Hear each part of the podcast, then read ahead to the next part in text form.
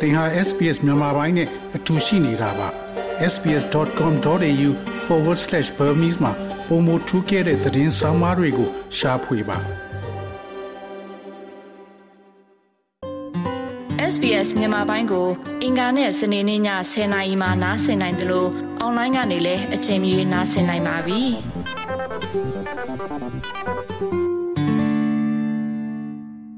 ကမ္ဘာဆရာများနေရောက်ပြီဆိုနိုင်ငံတကာမှာတော့သက်ဆိုင်ရာအစိုးရတွေကဥဆောင်ပြီးအခမ်းအနားတွေကိုကျင်းပလေးရှိကြပါတယ်။အဲ့ဒီနေ့ဟာကမ္ဘာတဝန်းလုံးကရင်သွေးတွေအတွက်ပညာမျှဝေသူဆရာဆရာမတွေကိုဂုဏ်ပြုလေးရှိတဲ့နေ့ပါ။လက်ရှိအချိန်မှာတော့မြန်မာနိုင်ငံကဆရာဆရာမအများစုအတွက်ဒီနေ့ဟာဂုဏ်ယူဆရာနေ့အစားတရခံပြေးလို့ဘဝတွေကြမှာပဲအသက်ဆက်နေရပါတယ်။ ဂျာကာလာအမျိုးသားညီညွတ်ရေးအစိုးရ NUG ရဲ့2022ခုနှစ်ထုတ်ပြန်ချက်မှာတော့စစ်အာဏာသိမ်းမှုကိုလက်မခံတဲ့နိုင်ငံတော်ဝင်ပညာရေးဝန်ထမ်းနှစ်သိန်းခွဲကျော်ကအကြမ်းမဖက်အာဏာဖီဆန်ရေး CDM မှာပါဝင်ခဲ့ကြတယ်လို့ဆိုထားပါတယ်။အာဏာသိမ်းကာလနှစ်နှစ်ခွဲကျော်ကြာလာတာနဲ့အမျှ CDM လောက်ကြတဲ့ပညာရေးဝန်ထမ်းတွေရဲ့ရည်တည်ရေးဟာလည်းစိန်ခေါ်မှုအမြင့်ဆုံးဖြစ်ခဲ့ရတာပါ။ အတံမွေးဝမ်းကြောင်းနဲ့မဆိုင်တဲ့လုပ်ငန်းခွင်တွေကြမှာဘဝတွေကိုပုံအပ်ပြီးကိုတူကိုထရုံးကန်နေကြရပါတယ်။အဲ့ဒီထဲမှာစတဲ့နှစ်36နှစ်ရှိခဲ့ပြီဖြစ်တဲ့အလဲတန်းကျောင်းခွဲကျောင်းအောင်ဆရာကြီးဦးတောင်ကိုလည်းအပါအဝင်ပါ။ CDN လုပ်ပြီးမိသားစုလိုက်ထိုင်းနိုင်ငံမဲဆောက်မြို့ကိုပြောင်းရွှေ့နေထိုင်ရတဲ့အခါမိသားစုဝမ်းရေးအတွက်ဦးတောင်ကိုဟာမုံဟင်ကရောက်ပြီးဝင်ငွေရှာဖွေနေရတာပါအဲ့ တော့ CDN တွေရဲ့ရေရှည်ရက်တည်မှုဟာထောက်ပံ့မှုလည်းအားနေတယ်အဲ့တော့အလုပ်တစ်ခုကိုလုပ်မယ်လို့ပြင်ဆင်တဲ့အခါကျတော့တနေ့ကိုဒုမိသားစု300နဲ့ဆိုလောက်မလားခုနလုံခြုံရေးကပ်ကိစ္စရောရေဘိုးမီးဘိုးအိမ်ကန်းကလောက်မလားလောက်တယ်ဆိုရင်တနေ့300တော့တို့တက်ကက်တပေါမျိုးထားပြီးတော့ရှားမှာပဲစိတ်မကောင်းကြလို့ပြောရမှာပဲပေါ့နော်ကို CDM လုပ်ခင်တုန်းကတချို့တချို့သောလူတွေအာ CDM ထွက်လာပါဘလို့ဟိုဟိုရတဲ့ လာစားတဲ့တောင်မှပုံများမယ်နှစ်ဆလောက်ဖြစ်မှာကိုတွေကတော့တော်လှန်ရေးရွယ်ချက်ကြောင့်မျိုးချသိခံပေမဲ့ဓာရီဟာတရှင်ကြတော့လေသမိုင်းနေပဲတစ်ဖက်ကရန်သူကကြားမယ်ဆိုရင်ရှိပြီးသားသူ့ဝန်ထမ်းတွေကိုသွေးဆောင်ဖျားယောင်းသွားပါတယ်လို့တော့ခေါ်ဆိုလို့ရတဲ့ကိစ္စမျိုးတွေဓာရီဟာအမှန်မှာတော့ဟိုစိတ်မကောင်းစရာတွေပဲပေါ့ကိုယ့်အခက်ခက်ခက်ခဲရုန်းကန်ကြရတယ်မိသားစုတွေခက်ခက်ခက်ခဲဖြည့်ရှင်းနေရတယ်ပေါ့နော် ဦးတောင်းကိုလိုပဲ CDM ဝင်ထားတဲ့ဇနီးမယားဖြစ်သူ အထက်တန်းပြဆရာမဒေါ်နီနီနဲ့သူ့သမီးတို့ဟာထိုင်းနိုင်ငံမဲဆောက်ဘက်ကိုမပြောင်းလာခင်လွတ်မြောက်နေမြေတနေရာမှာတစ်နှစ်ခွဲကျော်လောက်ခိုလုံခဲ့ရတာပါမဲဆောက်ဘက်ကိုပြောင်းရွှေ့လာတဲ့အခါမှာလည်းဗတ်တထောင်ကျော်အခန်းကျင်းလေးထဲမှာ6လဝန်းကျင်နေထိုင်ခဲ့ရင်အလောက်အကိုင်းရှာဖွေခဲ့ရပါတယ်အသက်62နှစ်ကျော်ရှိတဲ့ဦးတောင်းကိုအတွက်တော့သူ့လိုချင်တဲ့အလောက်ကိုင်းအခွင့်အလမ်းကိုမရရှိခဲ့ပါဘူး တစ်ဖက်မှာလည်း CDM တွေကိုထောက်ပံ့မှုတွေအနေနဲ့သက်ဆိုင်ရာအဖွဲ့အစည်းတွေရဲ့တစ်လကိုစံ6ကီလိုငှက်6တထုံအာလူအနှင်းငယ်ပါတဲ့ဘတ်300ပမာဏရှိတဲ့ထောက်ပံ့ပစ္စည်းတွေကိုသာရရှိခဲ့တာပါဒီပမာဏဟာမြန်မာနိုင်ငံမှာနေထိုင်ရတဲ့စားဝတ်နေရေးမပြောနဲ့လုံခြုံရေးအတွက်ပေးရတဲ့ငွေကြေးအတွက်တောင်ဖူလုံမှုမရှိဘူးလို့ဆိုပါတယ်။ ခရောင်းလန်လို့တင်စားကြတဲ့ဒီလို CDM ခရီးကိုရှောက်လန်းနေချိန်မှာလဲဦးတောင်းကိုရိုမိသားစုဟာစိတ်ရောကိုယ်ပါပင်ပန်းခဲ့ကြပေမယ့်နောင်မျိုးဆက်တွေအတွက်သာမျှော်မှန်းပြီးလက်ရှိအခြေအနေကိုတောင်းခံနေကြတာပါဦးတောင်းကိုရဲ့ဇနီးဖြစ်သူ CDM အထက်တန်းပြဆရာမဒေါ်နီနီကကိုကကလေးလေးတွေနဲ့ဒီငငယ်လေးတွေကတတိလေးတွေလည်းကိုကစာတင်လာတယ်ကြီးကြီးအထိပေါ့ဒီတင်လာတဲ့ခါကျတော့ဘာဖြစ်လဲဒီကလေးတွေရဲ့နောင်ငါဘက်တို့ကစဉ်းစားလိုက်တာလေ အဲ့ဒါအမှန်ပဲစိတ်ထဲမှာအဲ့တော့အဲ့လိုတွေလုပ်တဲ့အတွက်ကြောင့်ဒိုမီသားစုနစ်နာတယ်အဲ့ဒါလည်းသိတယ်နောက်သူတို့ရဲ့ဒီလက်အောက်ကိုလည်းတို့ကလွယ်လွယ်နဲ့ပြန်ပြီးတော့ခေါင်းရှုပ်ပြီးမဝင်ချင်တာလေကိုလက်နဲ့ရေးခဲ့တဲ့ဟာ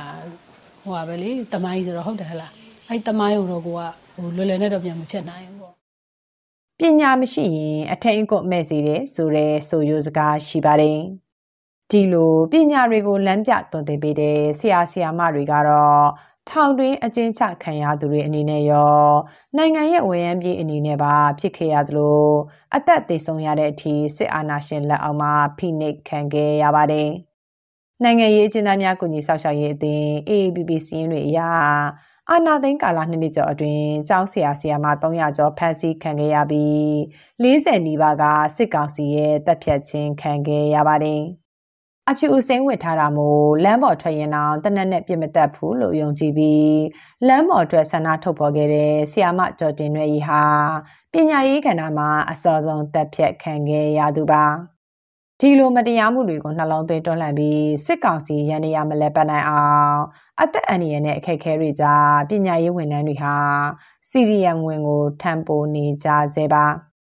ဒါပေမဲ့နိုင်ငံတာဝန်ကိုယူထားတဲ့အဖွဲ့အစည်းတွေဘက်က CDM တွေရက်တည်၍တဲ့ထောက်ပံ့မှုအားနည်းနေသလိုနိုင်ငံရေးစီရေးအခြေအနေကြားမှာ CDM တွေအရေးဟာဝေဝါးခဲ့ရပါတယ်တက္ကသိုလ်ကတိက CDM ဆရာမတအူကလက်ရှိ CDM ဆရာဆရာမတွေရဲ့ဆွလွတ်အနစ်နာခံမှုတွေအတွက်ကောင်းမွန်တဲ့အကျိုးရလဒ်ခံစားရဖို့လိုတယ်လို့ဆိုပါတယ်။ပါရဂူဘွဲအထိယူဖို့ကတစ်သက်လုံးရှင်းထားရတယ်။ပြီးရင်ကတိကယာဒူနဲ့ကျမတို့ထွက်လာတယ်။ ကိုယ်တိုင်းပြည်ပေါ်ကိုအမြဲတမ်းသစ္စာရှိပါလေနဲ့ပုံမှန်ကြီးထုတ်ပြီးတော့မှအလုပ်ထုတ်ခံရတာလေ။ပြောရမဆိုလို့ရှင်လူကိုခွေတက်လက်ချင်းဆိုအဲ့လိုဖြစ်နေနော်မတရားကြီးခံနေရတာအဲကျမတို့ကမကြောက်ဘူးဘာဖြစ်လို့လဲဆိုတော့လူတစ်သိန်းလည်းမကြောက်ဘူးလူတစ်ရာလည်းမကြောက်ဘူးတစ်ထောင်လည်းမကြောက်ဘူးတစ်သန်းလည်းမကြောက်ဘူး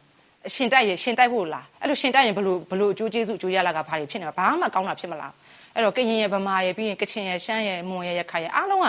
ဟိုလက်တွဲပြီးတော့မှဟုတ်လားချစ်ချစ်ခင်ခင်စီးစီးလုံးလုံးနဲ့ပဲเนาะဒန်းလူညီများဖြစ်ဖို့ဟုတ်လားကျမတို့ရဲ့လူသားဆန်နှုံးနေနဲ့ဟုတ်လားနော်ဂုံတိတ်ခါရှိရှိเนาะတန်ဖိုးရှိရှိအတူလက်တွဲပြီးတော့မှဟုတ်လားဖွံ့ဖြိုးတိုးတက်တဲ့အေချမ်းတာယာတဲ့ Federal Democracy ပြည်ထောင်စုကြီးကိုတူတူကတိဆောက်ပြီးတော့မှလက်တွဲပြီးတော့မှငင်းငင်းချင်းချင်းနေထိုင်မကောင်းဘူးလားဘယ်သူအကျိုးရုပ်သွားလို့လဲ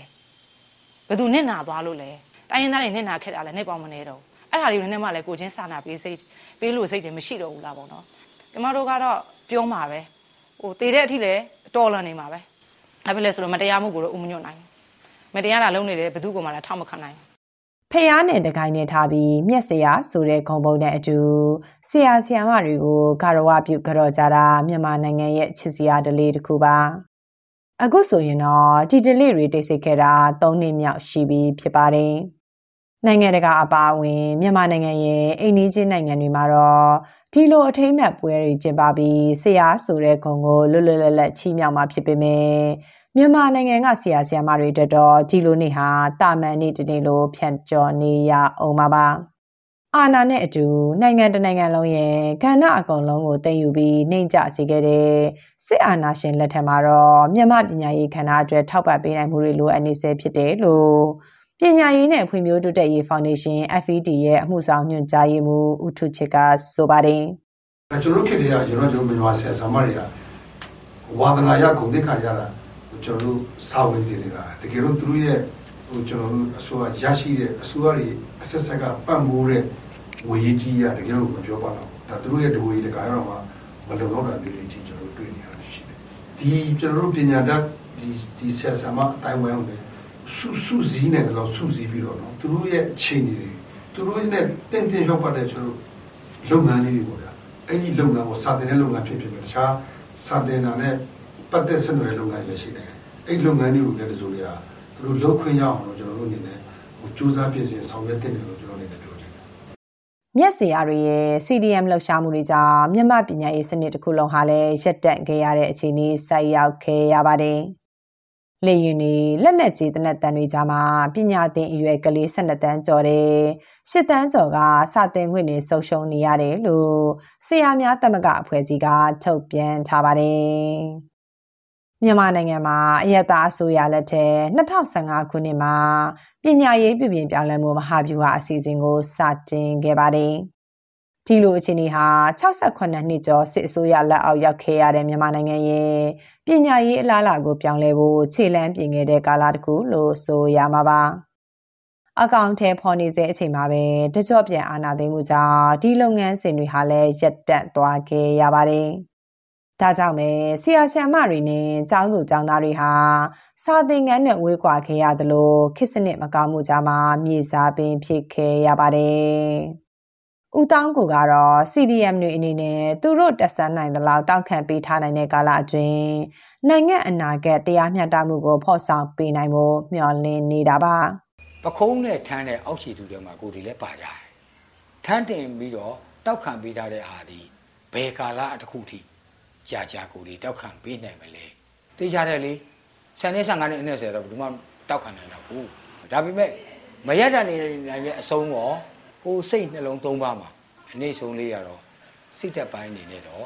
ဓမ္မဘက်ကကိုရက်တည်နိုင်နေဦးမှာပဲဟိုချောတဲ့အားကစားပွဲတစ်ခုလိုပါပဲအပေါ်ကအလံကိုရဖို့ကြိုးစားတဲ့သူဟာသူ့ရဲ့အခက်အခဲတွေကိုရှောက်ပြောပြီးတော့အောက်ကလူတွေကိုအပြစ်ဖို့နေတာစားရအောက်ကလူတွေရဲ့ထန်းတင်ထားပြီးတော့ကာလာကြာတဲ့အမြထန်းတင်ထားတဲ့ပခုံးတွေကိုသူငဲကွက်ဖို့တော့လိုပါလိမ့်မယ်ဒီအောက်ဆုံးကလူကတောက်မခံနိုင်လို့လန်ကြတဲ့အခါမှာဟို့ထိတ်ဆုံးမှာရှိတဲ့လူတွေက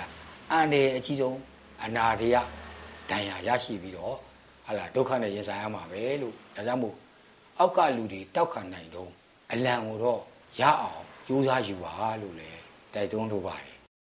အာစတြေးလျဂုံတော်အနန္တော်ဆိုတဲ့နိုင်ငံမျိုးဆက်တစ်တွေကိုပြုထောင်ပေးနေတဲ့လူပုဂ္ဂိုလ်တွေဟာစစ်တပ်ရဲ့တနက်ပြောင်းဝရွှေမှာရဲရဲရှောက်လန်းခဲ့ကြပြီးပြည်သူလူထုတွေနဲ့တသားတည်းရက်တီခဲ့သူတွေပါ အခုချိန်ထိခက်ခဲကြမ်းတမ်းတဲ့အခြေအနေတွေကိုတောက်ခံရင်သူတို့အားလုံးလိုချင်တာကနိုင်ငံသားတိုင်းအတွက်စစ်မှန်တဲ့ဒီမိုကရေစီဖြစ်ပါတယ်ဒီမျှော်လင့်ချက်တွေအတွက်အသက်ဆက်ရင်ထိုက်တန်တဲ့ပန်းတိုင်းကိုအမြန်ရောက်ဖို့ဟာသူတို့ရဲ့ကြီးမားတဲ့ပန်းတိုင်းတစ်ခုအဖြစ်ရှိနေကြစေပါဒီသတင်းဆောင်းပါးကိုတန်လွင်ခက်ကပေးပို့ထားတာဖြစ်ပါတယ် SBS မြန်မာပိုင်းကိုနားဆင်ရတာနှစ်သက်ပါသလား Facebook မှာဆွေးနွေးမှုတွေကိုဆက်ကြရအောင်ပါ SBS မြန်မာပိုင်း Facebook ကို like လုပ်ပြီးတော့သင်ချင်တဲ့ချက်ကိုမျှဝေနိုင်ပါတယ် SBS Bemis ကို Facebook မှာ share ကြည့်နိုင်ပါတယ်ရှင်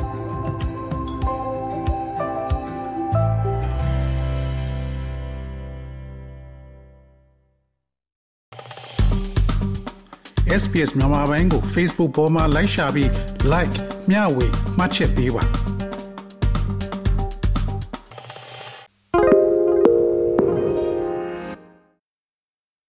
SBS is Australia's most trusted multilingual broadcaster. Our listeners are loyal, highly engaged, and have supported countless local businesses. We offer advertising packages for businesses of all sizes. Our experienced sales team will guide you through the process of owning a great campaign. Bring your own ad or have our production team make you something in one of our 68 languages. Start the conversation with your new audience today. Email sales at sbs.com.au.